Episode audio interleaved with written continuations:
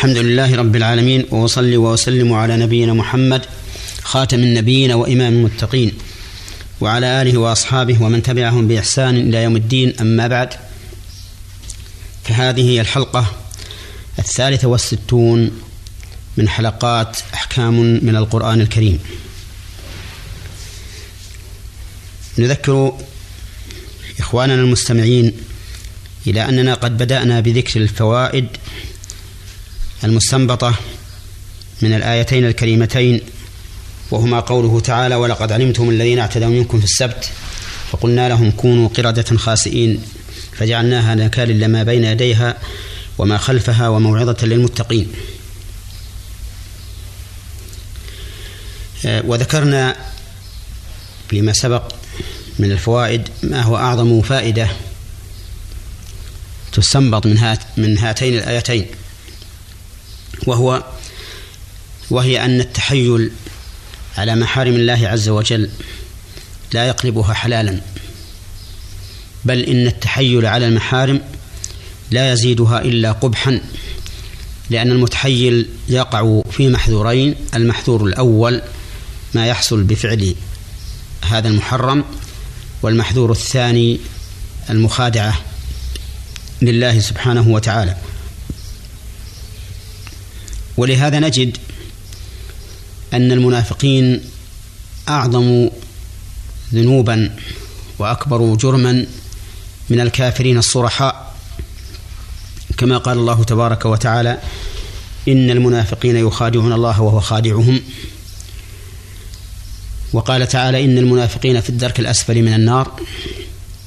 وبين الله سبحانه وتعالى أن المنافقين هم العدو.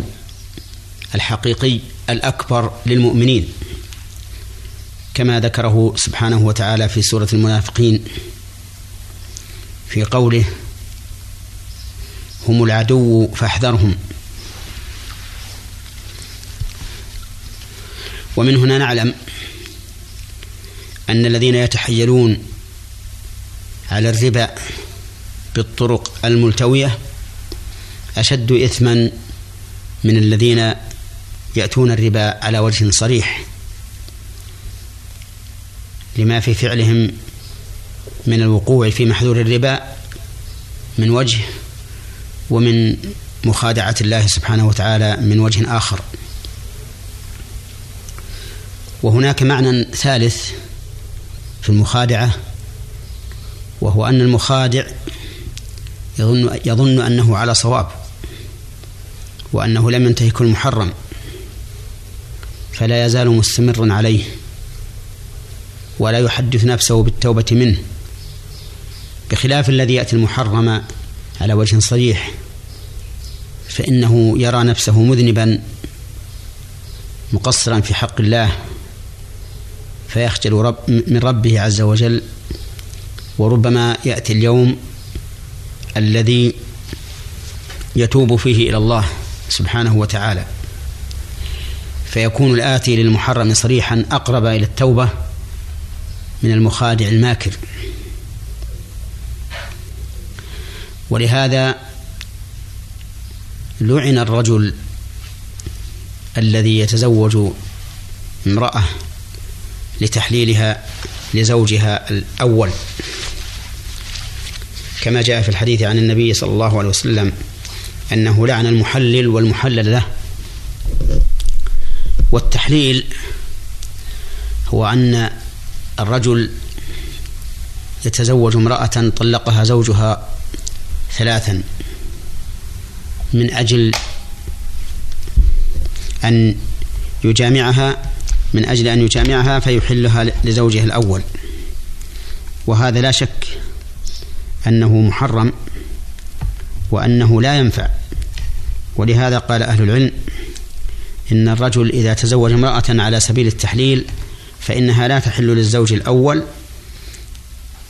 ولو أن الثاني ولو أن الثاني جامعها وذلك لأنه أي نكاح التحليل نكاح لا يراد به حقيقته.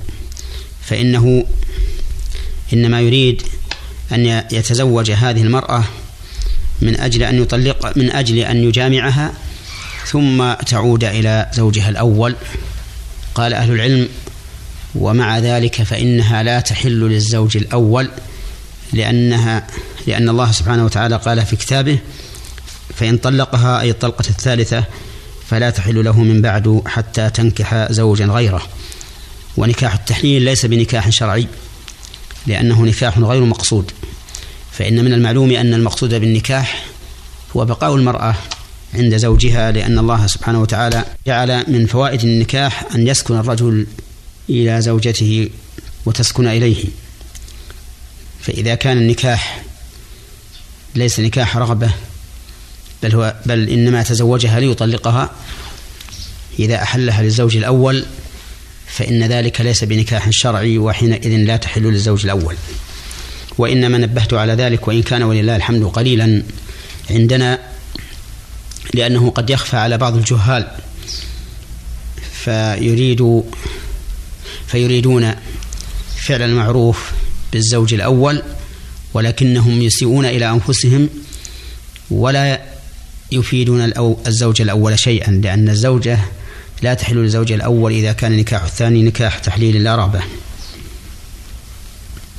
ومن فوائد هاتين الآيتين الكريمتين أن العقوبة تكون مجانسة للعمل. كما قال الله تبارك وتعالى فكلا أخذنا بذنبه. فهؤلاء القوم لما تحيلوا على فعل المحرم بما ظاهره الإباحة حيث نصبوا الشباك في يوم الجمعة وأخذوا الحيتان الواقعة فيه في يوم الأحد. وظاهر هذا الفعل أنهم لم لم يصطادوا في يوم الجمعة في يوم السبت. وظاهر هذا القول وظاهر هذا الفعل أنهم لم يصطادوا في يوم السبت. وأنهم فعلوا فعلا حلالا. قلبهم الله سبحانه وتعالى إلى أقرب الحيوانات شبه شبها بالإنسان وهي القردة. ومن فوائد هذه هاتين الآيتين الكريمتين